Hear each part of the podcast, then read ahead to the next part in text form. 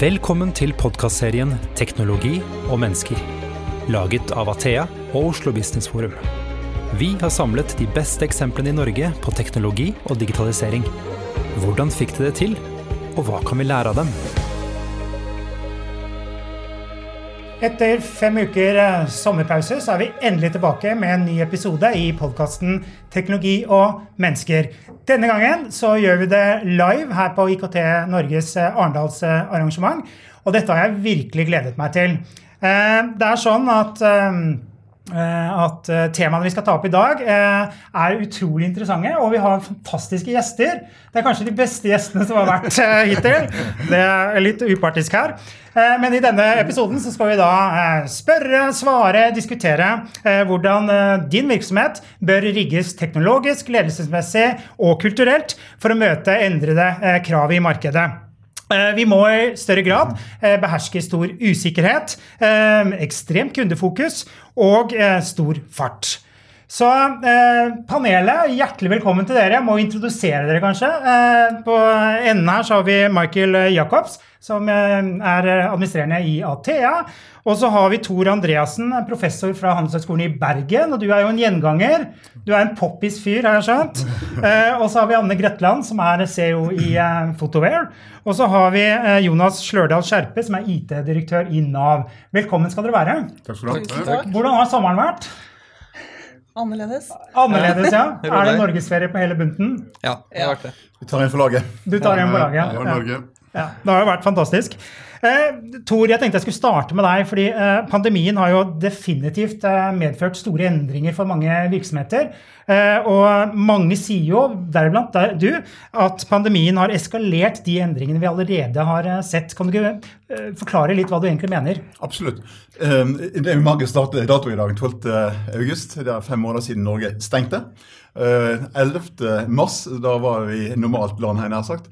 Eh, de tingene vi da var opptatt av i, i samfunnet, var jo da slike ting som bærekraft, altså miljømessige aspektene og eh, FNs bærekraftsmål osv. Næringslivet snakket veldig mye om digitalisering. Vi snakket veldig mye om varehandelens akopalypse. Og så plutselig endret hele diskusjonen seg over til det medisinske. Det som var da min, min, opplevelse av dette, det var jo at gjennom alle de årene vi har studert norsk næringsliv når det gjelder arbeidet med eh, kvalitet eller med innovasjoner, så har vi sett det som at trykket har vært imot kvalitet. Altså kvalitetsforbedringer for å få mer fornøyde kunder. Mens innovasjoner, det var litt sånn spooky. altså litt sånn risikofullt, og finansdirektørene sa mm, vi skal ikke bruke pengene våre på det sikre. Så vi så liksom at det var veldig mye flinkere mennesker på kvalitet enn på innovasjon. Så detter himmelen ned. Og plutselig ser vi at vi får løsninger som vi aldri har drømt på tidligere. Så Min lærdom er at de eksterne sjokkene er faktisk den beste driveren av innovasjoner. Så dette her med å komme fra bunnen og opp eller fra toppen og ned. Forget it. Her kommer det fra utsiden og inn. altså da. Og eh, Det store nå er jo at, dette, at eksperimenteringen for å finne ut av hvordan skal vi nå manøvrere i det hele. Og Jeg tar med meg et par-tre lærepunkter. Sosial distanse som et fenomen. Hva betyr det med hensyn til digitalisering av virksomhetene og i tjenesteinnovasjon? Det er kjempeproblemstilling. Vi kommer til å se det. 70% av norsk BNP kommer fra tjenesteytende sektor, hvor dette med nærhet med kunder er et fenomen. ikke sant? Det andre som vi ser også, det er at digitaliseringen pga. dette sjokket går mer mot nedstrømsaktiviteten, altså mot det å skape verdier for kundene, fremfor det å polere effektivitet i produksjonen. Altså da, og det er et vesentlig skift. Det siste er akkurat denne endringen også fra B2B til BTC pga. kunstig intelligens-arbeidinger. Altså da. Så her skjer det veldig mye spennende. Og dette foregikk og ulmet og kokte. Nå fråder det altså i potten. Mm. Og Jonas, dere ble jo utsatt for dette sjokket litt. Dere har jo virkelig snudd rundt på, eh, på, ting, da. Eh. Ja, det, det, er mange ting som, eh, som, har truffet oss i Nav, da, men det, det tydeligste som skjedde den 12. mars, eh, og som manifesterer seg i organisasjonen den 13.-14. mars, var jo eh, selvfølgelig hjemmekontor. Eh, altså at 19 000 Nav-ansatte, nesten 15 000, flytta på hjemmekontor over helga. Mm. og jeg, jeg tenker en normalsituasjon, hvordan vi hadde sett på en sånn operasjon å flytte 14 000-15 000 på hjemmekontor så raskt har kommet til å krevd planleggingsprosjekt uh, over lang tid og, og vært mange bekymrede ledere og, og, kanskje medarbeidere også. Og så ser vi at det går ganske fint.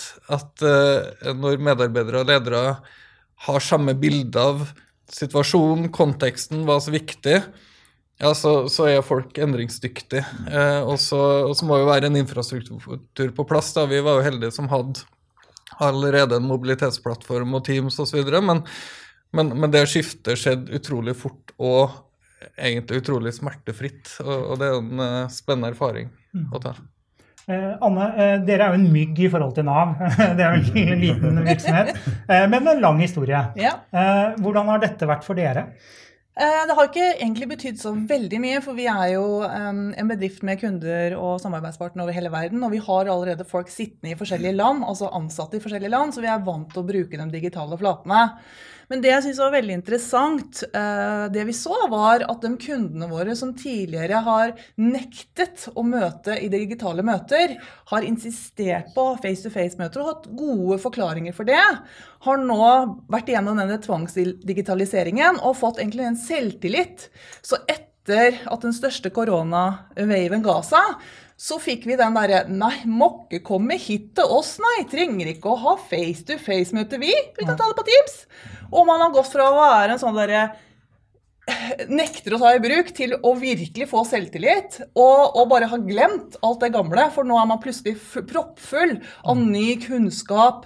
Man er en del av dem som, som har digitale møter, og så, og, så, og så, plutselig så trenger man det ikke lenger. Mm. Så det har vært en veldig sånn skifte og et skifte i mindset.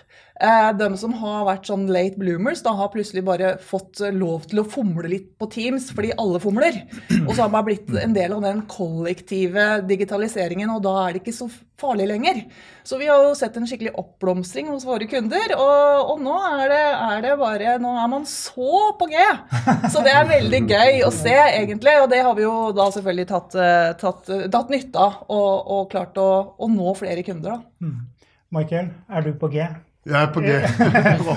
jeg, uh, nå begynte å lede selskapet fra kjøkkenbenken 12.-13. Eh. Syns jeg det var krevende, må sies. Uh, og Vi kommer sikkert litt tilbake til ledelse etterpå, men det, hvordan gjør du det? Det var jo nytt.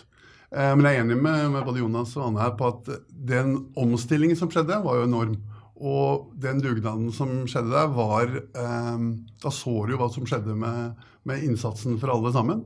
Men det var interessant. Jeg tror eh, modenheten var ganske varierende. Vi hadde kunder som, eh, hvor en bank, saksbehandler, trengte hjelp for å unlocke den bærbare PC-en. For den satt fast. Og hadde aldri tatt den med hjem. Eh, til selskapet hvor dette var en del av hverdagen. og så så Vi også, vi har jo 1000 konsulenter med kompetanse på tvers av Norge, og vi har akkurat det samme. Du må bo i Ålesund for å hjelpe en kunde i Ålesund. Nå, hvis du sier til et møte og spør om skal jeg hente inn den beste nettverksspesialisten i Norge, Veldig gjerne.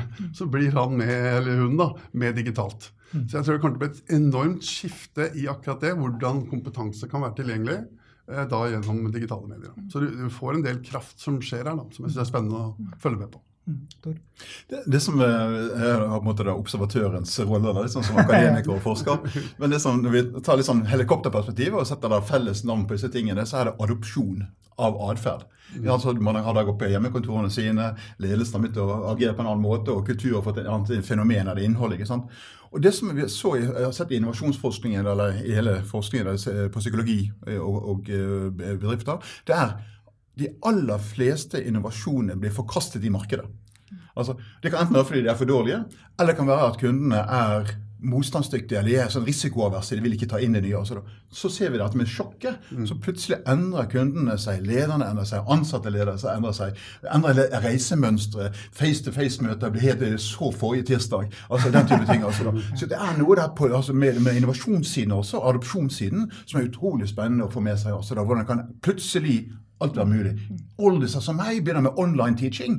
Altså er jo Leonardo DiCaprio ikke sant, på TV nå. Altså. Så, så, det er jo fantastisk hvordan vi klarte å endre fordi det kommer til eksterne sjokket. Mm, Men jeg, jeg, tror vi fortsatt er en eh, veldig læringsfase om hva eh, langtidsvirkningene av det her er. Da. Jeg merka på, på egen organisasjon så var på en måte eh, tanken på, å jobbe hjemmekontor, det var, det var eh, OK i april og i mai. Eh, og så var liksom ønsket å komme tilbake, og, og sosial, eh, mer sosial setting på jobb ble sterkere.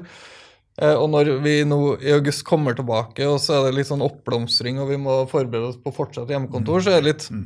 Nedtur og litt vanskelig og litt tyngre for medarbeidere å oppleve, og for, og meg som leder også, å, å se for seg på en måte noen, en lang tid på hjemmekontor igjen. Altså, jeg tror det, liksom, det, ja, det er noe vi kommer til å ta med oss videre, og som aldri kommer til å gå bort. Eh, Atferdsendringer. Så det er noe som vi kanskje oppdager at ja, men, men, det trenger vi også. Vi trenger de sosiale settingene og sosiale arenaene. Vi trenger å se hverandre i 3D og, og, og møtes. og det, det er en annen du, du, skaper en annen tillit og en annen dynamikk i de møtene enn på virtuelle møter også. Mm. Jeg, jeg syns det var veldig viktig det du sa med adopsjon. fordi at eh, nå når man har adoptert litt, og man har tatt i bruk verktøy man ikke turte før, mm. så håper jo vi at det skal dra med seg at du skal bli mindre redd for andre ting. Mm. Og vi har sett det litt med våre kunder. Det er flere og flere som faktisk har sagt sånn Du, hadde ikke dere sånn sky igjen? Jo, det hadde vi jo. Vi har jo fortalt deg om det nå lenge. Men nå er man plutselig litt mer sånn moden, for man er litt i støtet. Man har tatt litt et steg ut eh, på en måte i, i det farefulle, og det har gått bra. Uh, og det vi håper nå, er jo det at eh, flere og flere av våre kunder skal ta enda viktigere og riktigere valg i forhold til å komme seg i sky, uh, være mer digitale, være mer tilgjengelig. For de ser jo sjøl at det er bedre for deres bedrift og for, de, og for deres salg videre. fordi um, det er jo en sånn derre for oss som software-leverandør, da, så du kan gjøre kundene dine fornøyde ved å si at ja, det skal bli som før, du trenger ikke å gjøre noen endringer. Eller du kan være en challenger og presse kundene dine ut. Eh, og da må du ha en god balanse, fordi hvis du bare ønsker å si til kunden ja, ja, nei, men vi skal gjøre som du vil, og så plutselig snur de seg og sier du, hei, det er en annen leverandør, de gjør sånn, hvorfor har ikke dere gjort det? Eh, for du er nødt til å presse dem ut litt på utrygg grunn eh, i en sånn der, en balansert fase. da. Fordi du vil jo, du ønsker, Enhver kunde ønsker egentlig å få ting som de aldri trodde at de trengte, eh, på den riktige måten. Og det er litt vår oppgave som, som leverandør å, å, ta den balansegangen, rett og slett. Mm. Michael? Jeg bare henger meg litt på det Jonas sa også, rundt um, det å sitte hjemme. I hvert fall Personlig så vil jeg gjerne komme tilbake til kontoret og, og trives med folk og omgås folk, og det tror jeg de fleste gjør. Og Vi hadde en internundersøkelse her eh, når vi sto midt oppi det rett før sommeren. Og da sa veldig mange at det er veldig fint med den balansen mellom å kunne jobbe noe mer hjemme, men jeg må også få lov til å komme inn på kontoret og sosialisere og ha de eh, samarbeidsarenaene som er da. Men det er litt interessant å høre kanskje med Tor hvordan vi tror den effekten på oss kan bli da, hvis vi mm. ikke får til det. Så vi må sitte hjemme fram til jul nå. Mm. Hva er den psykologiske effekten på oss som mennesker og organisasjonen vår. Da. Jeg tror nok de fleste opplever det som en nedtur. ikke sant? Altså Nå var vi liksom på mm. vei nedover et veldig lavt sånne reproduksjonstall. altså da 0,67 før sommeren uh, du slo inn, og så nå stiger det. Så Det skaper denne frykten. altså da, og da å gå tilbake igjen når det først har vært rykket frem, det er liksom litt sånn uh, nedtur. altså da. Og Det er klart at det har jo kommet frem i debatten altså da, om disse sosiale kostnadene med å være hjemme i isolasjon. og Det er ikke alle som har det egen rom eller egen kontor eller egen sværskjerm eller alle disse tingene som hjemme. og Man får avveket altså da den klasseforskjeller også når det gjelder da mulighetsområdet. Det er, det er en debatt som da ledere må ta inn over seg, og det er noe som myndighetene må ta inn over seg. ikke sant, også da. Men det er også da det ekstreme spillet, det som da Sigve Brekke kom med, da, at alle skal hjem. ikke sant, også da, Det spiller ingen rolle hvor du sitter og jobber. Jeg tror det vil være en balanse. altså. I mitt yrke så blir det det at studentene kan være i auditoriet i en situasjon, online i en annen situasjon, og da sånn Oxford tutoring i en tredje situasjon, altså hvor du får blandingen. Mm. Og dette er jo jeg tror vi heter innovasjon. Eh, nå har vi snakket mye om uh, samarbeid, uh, hvordan vi jobber på jobb i en, uh, i en sånn mm. tid. Da. men Jonas, dere har jo virkelig snudd ting Altså levert tjenester i markedet, løsninger i markedet, for å hjelpe folk i en liksom, kritisk økonomisk situasjon osv. Uh, men det har du ikke fått til altså Det er jo ikke en jobb du har gjort etter 12. mars. Så Det er jo noe som ligger bak her, den måten å tenke, måte å rigge virksomheten på, som går utover det å liksom være på Teams. Kunne du ikke snakket litt om uh, hva dere har gjort der? Jo, um, og, og, vi har jobba mye og systematisk med å få opp endringstakten i, i, Nav de siste årene, spesielt på, på digitaliseringsområdet. Jeg bruker å komme med et eksempel. at i 2017 så hadde vi i hovedsak endringer i systemene våre seks ganger i året gjennom det vi kalte hovedreleaser. Um, I dag så endrer vi systemene våre 4000-5000 ganger i måneden. Uh, og det handler jo om at vi har brutt opp det regimet. Vi har automatisert en del i forhold til hvordan du setter ting i produksjon. Vi har automatisert en del monitorering. Vi har eh, endra styringsprosessene rundt eh, det. Vi har eh, jobba med å, å um, myndiggjøre autonome eh, tverrfaglige produktteam osv. osv. Eh, jeg jobba med kultur, med, med ledelse, eh, alt sånt. Og, og det, det, jeg det var veldig viktig at vi gjorde før den 12. mars, for det tror jeg har vært vanskelig å gjort etter den 12. mars. Altså Når krisa setter inn, eh, så må du basere deg i stor grad på det du har. Du kan kanskje jobbe enda tettere som leder på å fjerne hindringer aktivt eh, underveis. Eh, være mer sånn uh, servant leader tett på, men, men endringssakte organisasjonen tror jeg du må jobbe systematisk med over tid. Eh, og så kan du selvfølgelig jobbe overtid og i helger og sånn i, i, i, en krisesituasjon, men, men, eh, men, eh, jeg tror grunnlaget må legges tidligere, og, og jeg tror vi kommer til å se nå at flere og flere setter endringsdyktighet og hastighet høyere på agendaen som et mål i seg sjøl. Mm. Um, og, og, det tror jeg er spesielt viktig i offentlig sektor, så kanskje hatt mm. mindre fokus på det enn i privat sektor. Mm. Er du litt lei av for at eh, når du snakker med folk som jobber, altså, som jobber i stat, da, eh, jo i staten eller offentlig sektor så er de mindre innovative, det er tungrodd, det er liksom vanskelig. Men du beskriver jo egentlig en situasjon som mange også private virksomheter ønsker å være i. Det å liksom ha endringstakten er mye, mye kjappere og masse releaser osv. Ja. Er du drittlei den, eh, det stempelet på offentlig sektor? Eh, nei, altså offentlig sektor er stort, og, og, og det kan nok kjennetegne deler av offentlig sektor. Men jeg, jeg jobba i privat sektor i 13 år også og har sett mange mer tungrodde systemer enn en av der. Mm. og så har offentlig sektor sine spesielle utfordringer, f.eks. At, at det vi gjør, er mye eh, tettere definert av et, eh, et lovverk. Mm. Eh, sånn at, og det har vi oppdaga i den situasjonen med de anmodningsvedtakene fra, eh, fra Stortinget, at, at eh, det er en, en, verdikjede som må fungere da, eh, fra, fra for så vidt storting til en utvikler. Og, og, det er veldig viktig at, at, man har samme forståelse av situasjonen i hele den verdikjeden for å, å få ut gode løsninger raskt. Da. Uh, og det tror jeg offentlig sektor har lært mye av den perioden vi har vært igjennom nå, at den, den verdikjeden må henge sammen, og, og, og den uh, Ja, uh, vi, vi, vi, har snakka en del om digitaliseringsvennlig regelverk, og, og, det har kanskje vært en litt sånn teoretisk øvelse mange ganger. Nå har vi virkelig liksom fått testa ut det i fellesskap i denne krisa. Mm. Tor, hva er ditt inntrykk av, av innovasjonskraften? liksom, nå skal det ikke bli en debatt om stat nei, nei. Eh, og privat, men uh, i Norge sånn generelt, har, er, har vi ting på stell? Litt avhengig av hvem du spør. Altså, ja. spør du ledere, så mener de at de er vidunderlig innovative. Og spør du kundene deres, så mener de det motsatte. Da, da vi lanserte denne, altså, dette forsøket på å måle da, kundenes persepsjon av bedrifters uh, innovasjonsevne, så fikk vi to tettåringer bare hette, altså av, av ledere at dette var det det dummeste etter oppskåret brød, har jeg nær sagt. Men, men, den stemmen fra kundene er ekstremt viktig, for det er jo de som betaler lønningene til de aller fleste. altså det er diett eller indirekte. Og da er det mye å gå på i norsk næringsliv. Altså er, nå har vi primært målt B2C, altså konsumentmarkedet, mm. men det er en teori vi har utviklet som kan lett appliseres på B2B-markedet. så ingen hinder for det. Det er bare finansieringen som har stoppet oss. Men da ser vi at bedriftene er ekstremt opptatt av effektivisering av allerede eksisterende rutiner ved å legge noe digitalt på den biten. her. Så da sikkert veldig mye det som Nav holder på med, eh, som får rangere som den minst innovative bedriften av de 180 som vi har, eh, fra brukernes ståsted, så, så, er det produksjonen du snakker om. altså da. Og Det samme er det når du snakker med Equinor eller med DNB. Det er produksjon. altså da. Men når du går nedstrøms og ser på hvordan kan vi ta teknologien og anvende den mot å skape nye verdier, så er det veldig lite. og Det er et sånn upløyet mark. altså da. Og Det er ikke noe stor forskjell forskjell mellom da store byråkratiske selskaper som Aller Hydro eller Telenor eller Equinor eller Nav. Det er samme greia. ikke sant? Også. Jeg er sikker på at dere har koboltsystemer fra 60-tallet ennå som går og putrer og går. ikke sant? Og Det sier litt om legacyen og denne drivankereffekten av historikken. Og, og der kanskje ledelsen nå har våknet opp. altså at Vi må begynne å bryte disse båndene til historikken og komme mer på offensiven. altså Dekoble systemene, være mer kjappe i beslutningene. Eller roughly right, then exactly wrong. Mm. Okay. Jeg hadde et uh, artig eksempel her uh, på en krydderbedrift. Som faktisk eh, leverte krydder inn til restauranter. Høyende restauranter.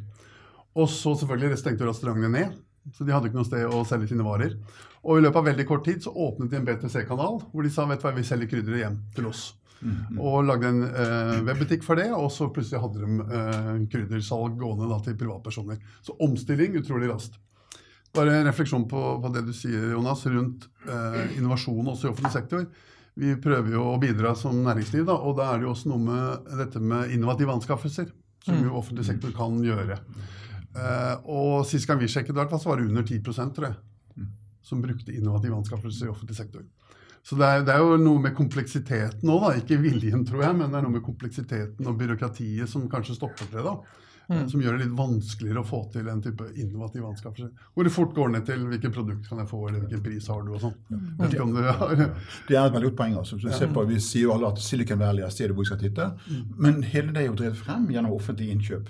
Altså ekstremt kraftige, spruttende altså si, bestillinger som næringslivet må strekke seg etter. ikke sant? Altså så Det er jo en stor grad. Masse økonomene har jo helt rett. Det er ikke næringslivet som har drevet seg, det er det offentlige innkjøpene som har drevet det gjennom da forskning, utdanning og da bestillingsverk, altså da, spesielt innenfor NASA og teknologien. Altså da. Så det er et veldig veldig godt poeng. Anne, hvordan, eh, hvordan er det for små eh, virksomheter? Dere er eh, agile og fremoverlent og har ikke to, stor teknisk gjeld, og alt er bare Altså, jeg vil påstå det. og I pride myself on at vi er litt agile.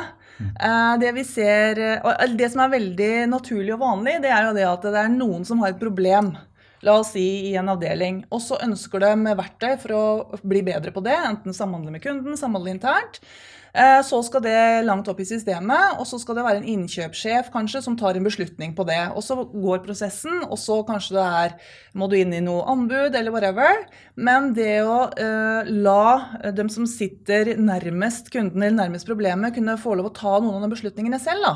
De har noen egne budsjetter for IT-innkjøp. Du må selvfølgelig legge fram en business case, men det at du har folk som faktisk er brukerne, som kan ta de beslutningene og kjøpe de verktøyene du trenger, om det er Hubspot eller GeoBoard eller Monday eller whatever, istedenfor at det skal alltid opp på et sentralisert nivå, og du må liksom ha en prosess på det, eh, da tror jeg du mister litt av agiliteten. Og så selvfølgelig så, så må det jo ikke være sånn at det- skal kjøpes eh, over en villen sky, men så lenge du har en prosess på det.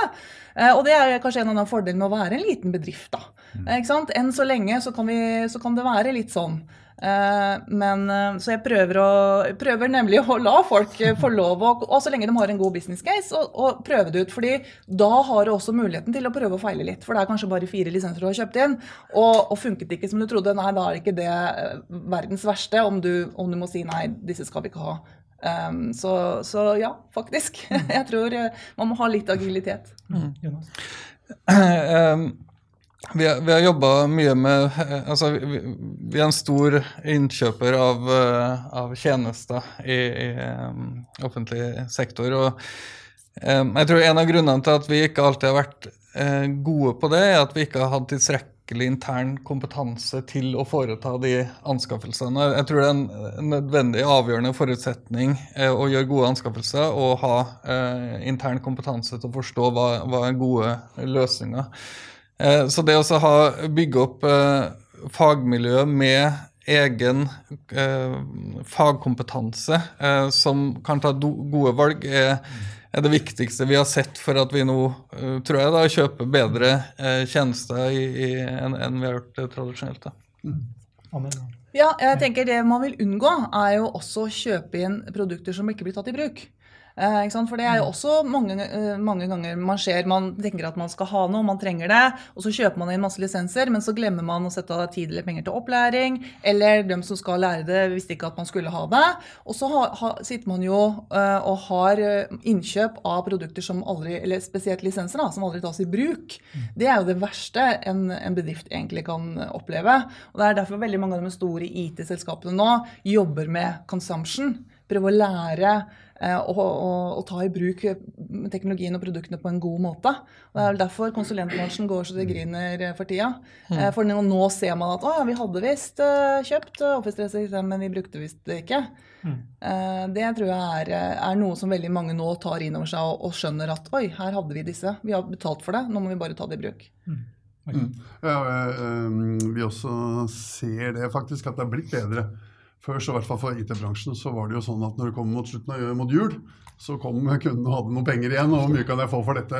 Og det var litt sånn som da handla vi inn ting som vi kanskje ikke nødvendigvis trengte. Det er det blitt mindre av, syns jeg. Så det jo, tyder jo på at det er bedre prosjekt i, i offentlig sektor da, på å styre dette og, og administrere pengene sine bedre. Det tror jeg. Men jeg, jeg tror det er noe med kompetanse der, som du var inne på. For hvis vi ser nå, så nå, som du var inne på, bærekraft. Utrolig viktig for oss. Det var fokus på. Jeg syns det er ok fokus på det fortsatt, men det glipper jo lite grann. Og hvis vi, den undersøkelsen vi gjorde her, som vi sendte ut i går, den viste at det er under 50% som har med bærekraft inn i sine anskaffelser. Så 50 av, av offentlig sektor og privat sektor bryr seg ikke, spør ikke om det. Og når du, de som da faktisk spør om det, når du da eh, ser på har du fulgt opp, så var det, tror jeg var nede i 7% eller noe. Etter avtalen er inngått. Så, så, det er noe med å gå fra det vi prater om, til det vi faktisk gjør. Eh, og jeg tror det går på kompetanse. Jeg tror, jeg tror alle skjønner behovet for det. Men, men, når det kommer til praktisk hverdag, så glipper det litt. Mm. Og Vi hadde et eksempel med Stavanger kommune, som var ute her i vår med en offentlig anskaffelse hvor de hadde 60% vekting på bærekraft og 40% på pris. Og det er klart, Da tvinger det oss til å svare opp det. Eh, og da får du en ringvinking av det som er positiv. da. Så, så, jeg er helt enig, kompetansebiten er kritisk for dere å bygge opp. Jeg tror Noe av forklaringen ligger i mangel på kunnskap. altså jeg at vi, vi, vet ikke som leder hvilken type investeringer vil gi størst payoff for meg. ikke sant? Altså da, vi satte opp en liten studie her for noen måneder siden hvor vi så på eh, hvis jeg som leder skulle da investere i software eller hardware som skulle da uh, digitalisere kundefronten Alternativet er at jeg investerer da i noe som er grønt eller samfunnsgagnlig. Eh, innovasjoner, hva vil da gi størst uttelling på da økonomien?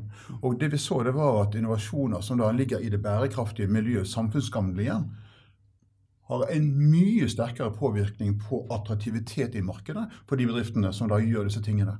Og Når vi får frem det og linker det til økonomi, så begynner du få en leder som sier at det er dette vi må legge inn i, i jobbingen vår. Enten må vi da utdanne kunden til å etterspørre det, eller så må vi da begynne å, å etterspørre det selv. ikke sant? Mm. For når du frem ser at de bedriftene som har gjort disse samfunnsinvesteringene bærekraftige, oppleves som tre ganger mer attraktive i markedet. Og attraktivitet er bestemmende for hvem jeg velger neste gang da er det linket til økonomi. ikke sant? Og Jeg tror det er denne type ting som jeg eller vi kan bidra med fra vår, vår forskning. Hjelpe slike beslutninger. Ja. Mm. Eh, Tor, en ting, eh, eh, Siden du er den eneste fra akademia her, så nå, nå eh, får du spørsmål. Fordi Når du leser litteratur om innovasjon, hvilke virksomheter er innovative osv., så, videre, så er det liksom et begrep som går igjen hele veien. Det er ekstremt kundefokus. Mm. Uh, og det er litt ullent. Mm. Er det å gå og spørre kunden hva de vil ha, eller en ansatte hva de vil ha? Eh, hvordan får man en virksomhet som har ekstremt kundefokus? Ja, det, er, det er ekstremt godt spørsmål. Ja. Endelig, liksom?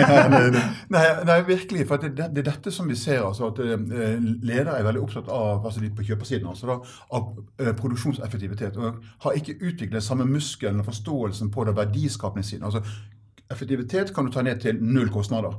På verdiskapningssiden så er the sky's the limit.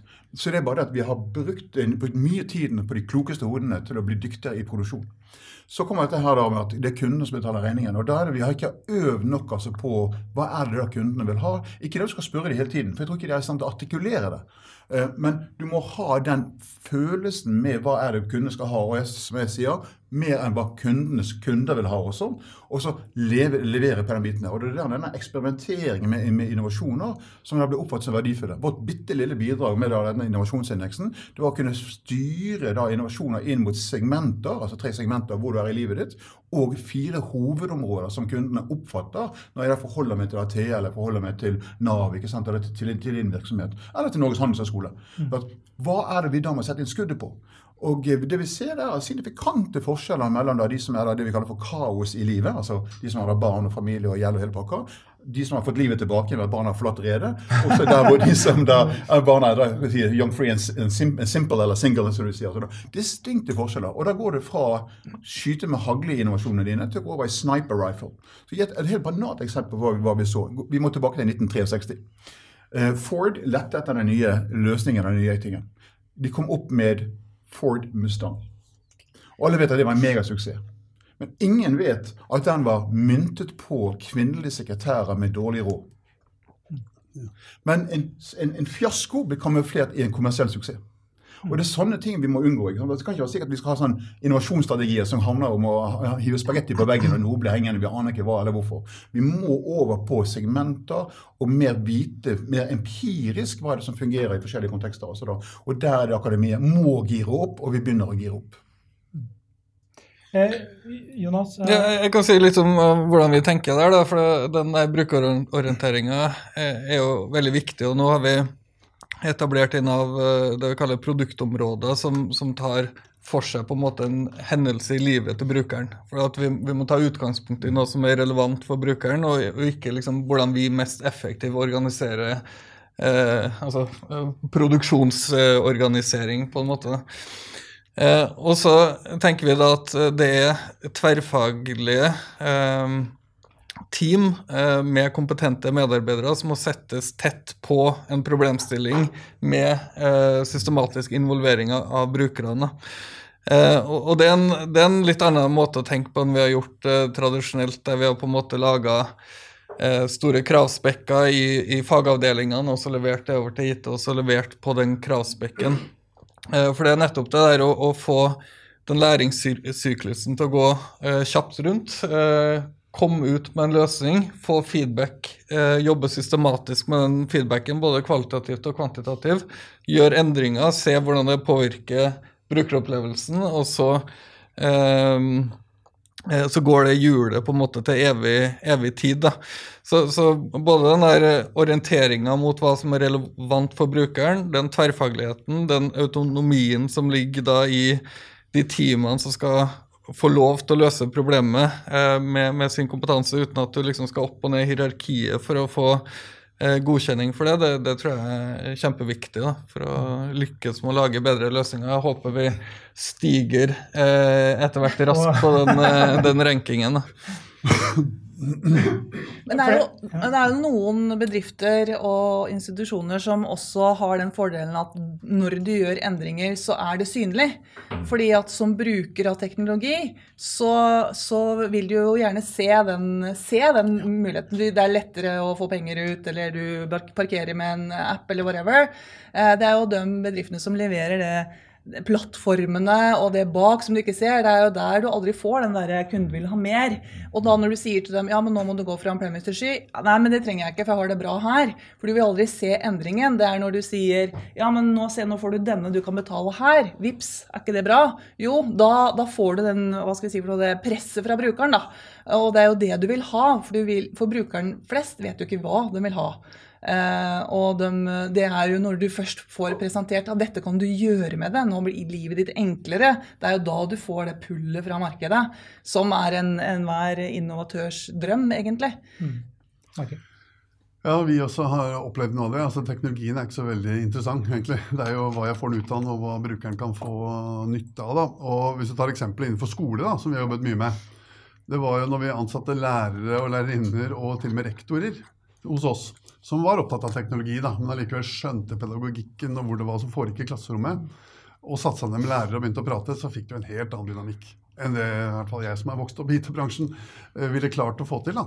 Så jeg tror også det å, å mikse og blande litt der eh, hjelper. Ved at du har folk som kan teknologi, og oversette det til brukeren, og for noen som forstår brukeren.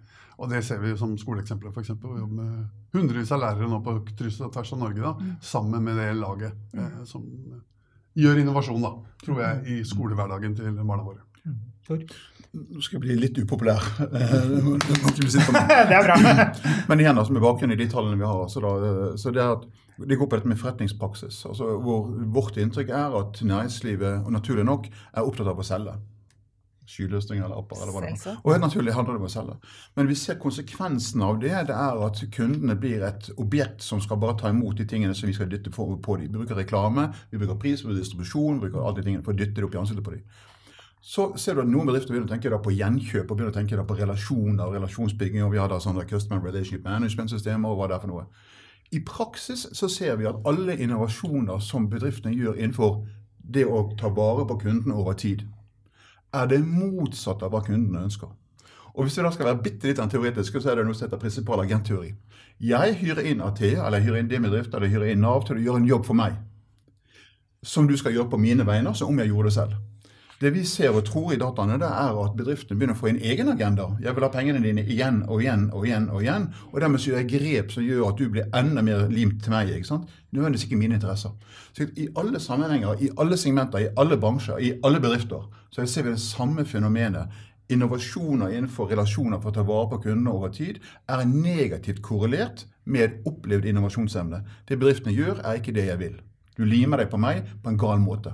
Og Det er noe med forretningspraksisen som vi må eh, rydde opp i. altså Det skal virkelig være på å ta vare på kundene over tid.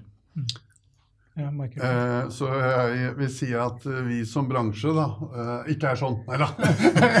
men, men vi, vi, lærer, vi òg. Eh, og det, det, du ser nå skjer um, i vår bransje da. Før så solgte vi deg produkter, og så dro vi. Mm. Software eller hardware eller hva det måtte være. Det som nå skjer, er at vi, som eh, Anne var inne på, det, du begynner å kjøpe en tjeneste, abonnere på en tjeneste. Hvis du ikke liker den, så kommer du til å slutte. Og det skjønner vi, og da begynner man å få såkalt customer success-agenter. Du får folk som hjelper til med adopsjon i bedriften, sånn at du faktisk får nytten av det jeg har kjøpt. Og det investerer ganske kraftig nå i IT-bransjen. For å sitte sammen med deg når jeg har gjort investeringen, hvordan kan jeg få verdi ut av den? Og det tror jeg er en sånn endring som vi går gjennom. da, mm. eh, Hvor vi først kanskje bare solgte det, og så sover han tre år. ikke sant? Mm. Så, så, vi er i hvert fall eh, inne på det sporet da, som, som IT-bransje. synes jeg vi har sett det og skjønt det, at verdien ligger i om brukeren bruker teknologien. Mm. Og hvis ikke, så kommer du til å ikke kjøpe igjen eller si opp på uh, tjenesten. Og vil komme hjem frivillig. Kom og vil komme igjen, ikke sant? Igjen, så jeg ser verdien der. Det er det som er det. Ja. Så, så, noe av det der eh, foregår nå i vår bransje, syns jeg. Perfekt. Men Tor, er det det du uh, liksom setter fingeren på, det abonnements... Ja. det, det løsningene, eller? Nei, nei, nei langt derfra. Det, det, er slike ting som jeg tror som virksomhet at dette er et godt virkemiddel som vil la lime kunden sterkere til meg. Mm. Men det er ikke det som er hele forretningslogikken. Det er at jeg har valgt å integrere deg inn i mitt liv eller i virksomhet for å løse et problem i mitt liv som gjør at jeg kan komme meg videre. Mm. Altså, Jeg har ikke oppdaget dine regninger, eller noe, men jeg, jeg, har hyret deg inn. ikke sant? Det er agenten og jeg er prinsipalen.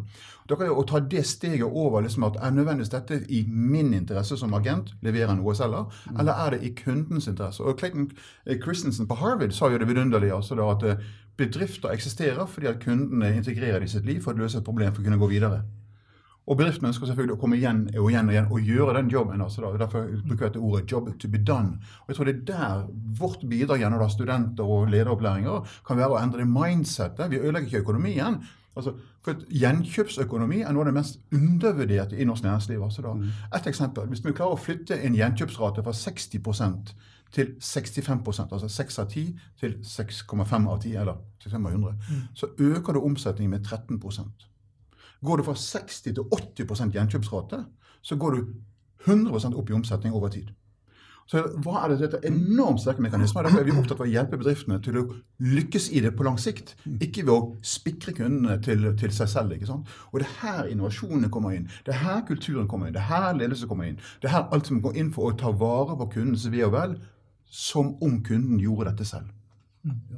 Anne, hadde du en kommentar? Ja, en kommentar til det du sa angående å prøve å selge til kundene. For ja, mm. selvfølgelig, vi ønsker jo å selge, men i, akkurat som Michael sier, i forbindelse med at vi nå har cloud, mm. så har vi et skift. For vi er nødt til å levere fordi kunden kan nå slutte sånn.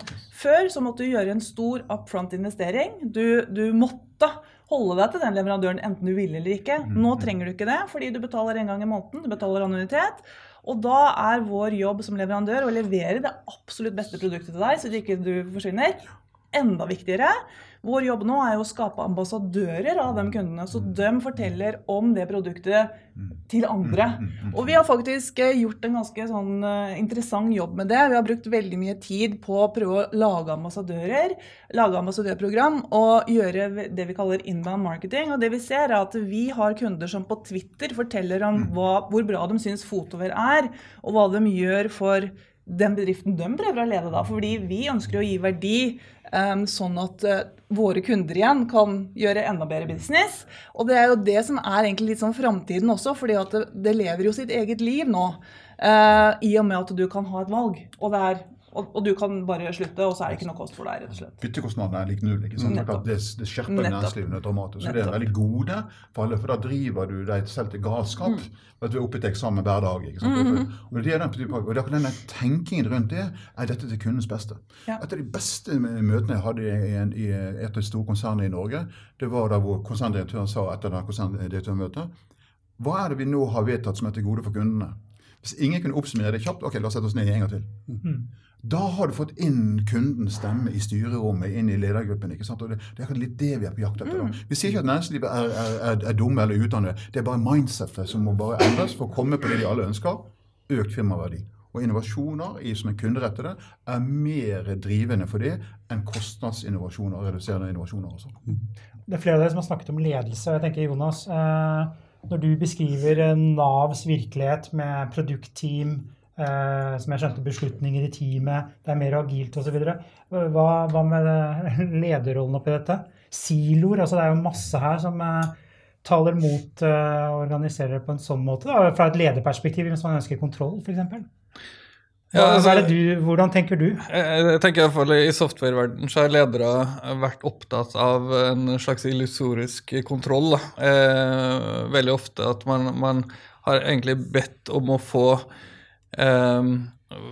få informasjon som gir, gir en kontroll som egentlig ikke er reell. Eh, og, og her har egentlig softwareindustrien kommet med konklusjonen eh, for lenge siden. Altså det vi kaller smidig, det bør vi egentlig bare slutte å kalle smidig. Det, det, det bør være vanlig praksis eh, overalt.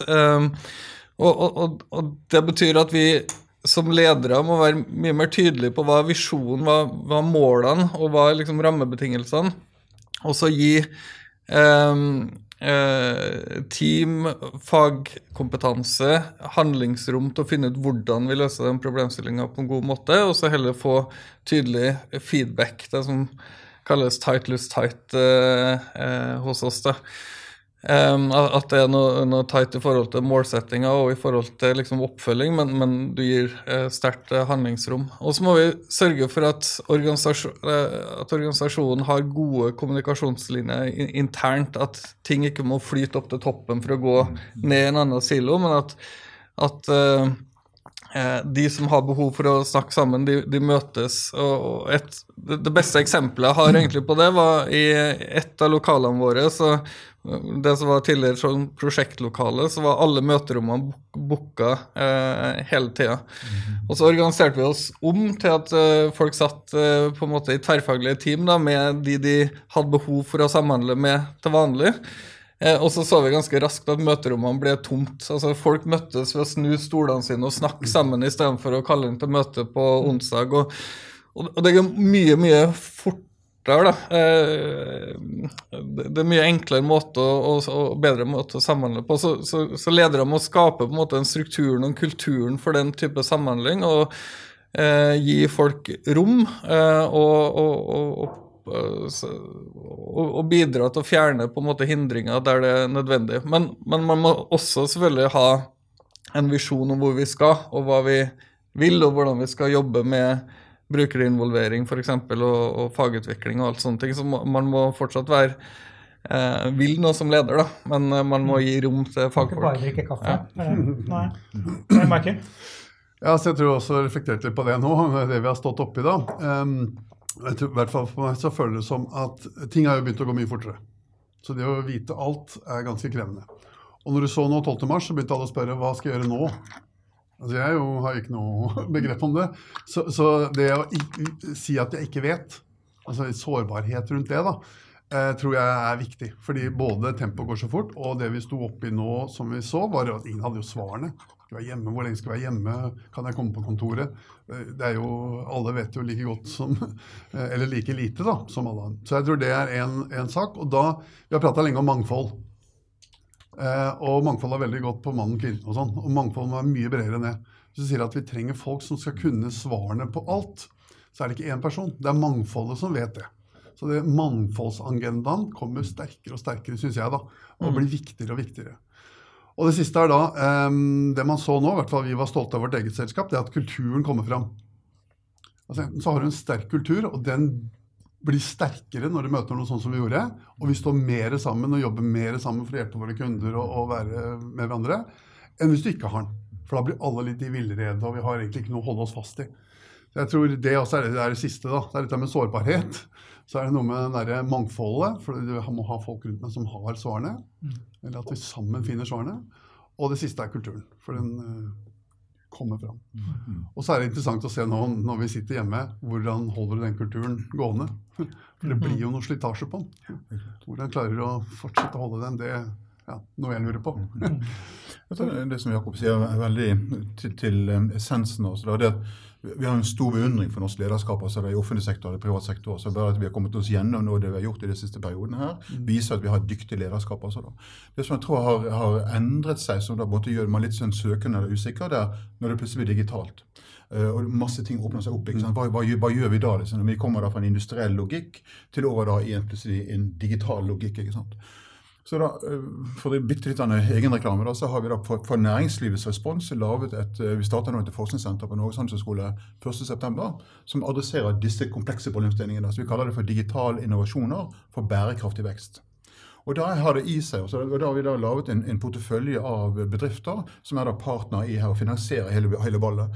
Som da er en heterogenitet. Altså Vi har alt fra da offentlige virksomheter til da private virksomheter til da mindre virksomheter. Nettopp for å skape denne her kollisjonen i tankene.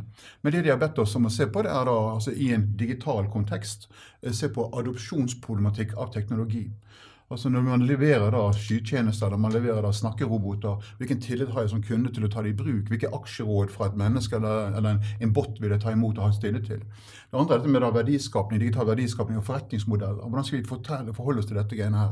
Det tredje er dette med å arbeide i et økosystem. Jeg tror du pekte litt på det. Digitalt økosystem, hva er det for noe? Altså Konsulentene flyr rundt seg og bruker det som om det var en full sjø, sjømann. Altså, men hva er innholdet i det, og hva er implikasjonen av det? ikke sant? Altså, å lede når ikke du eier ressursene dine. Og det tredje er jo da hele dette med transformasjon av virksomheter. Når man går da fra å være analog til å bli digital, eller en kombinasjon av disse tingene.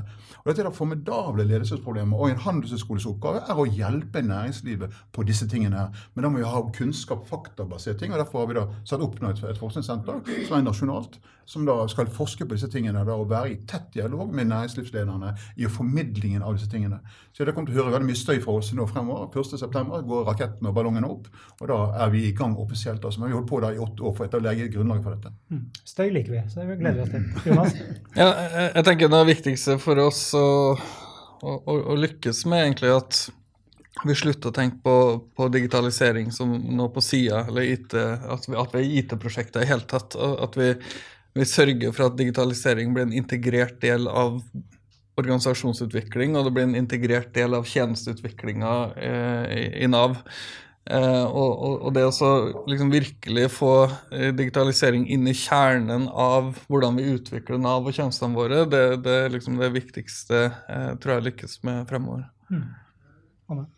Uh, ja, jeg er enig, og jeg vil bare trekke litt tilbake også det Michael sa. fordi at eh, når du kommer i en sånn situasjon, sånn ledelsesmessig, så er jo i hvert fall min jobb da er det å skape trygghet for mine ansatte.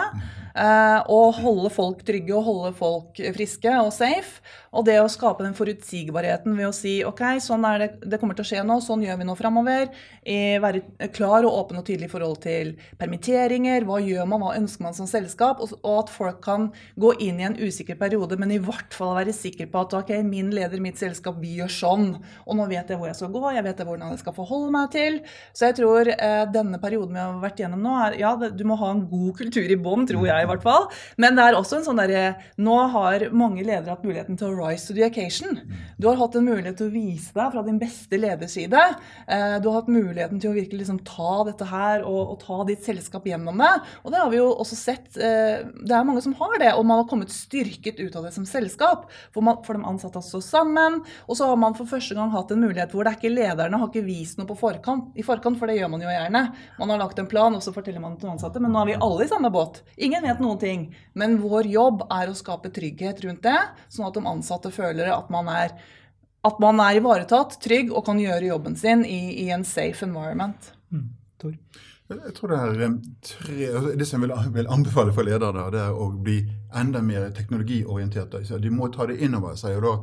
For Det betyr at økonomer må kunne mer teknologi. eh, teknologer må kunne mer økonomi.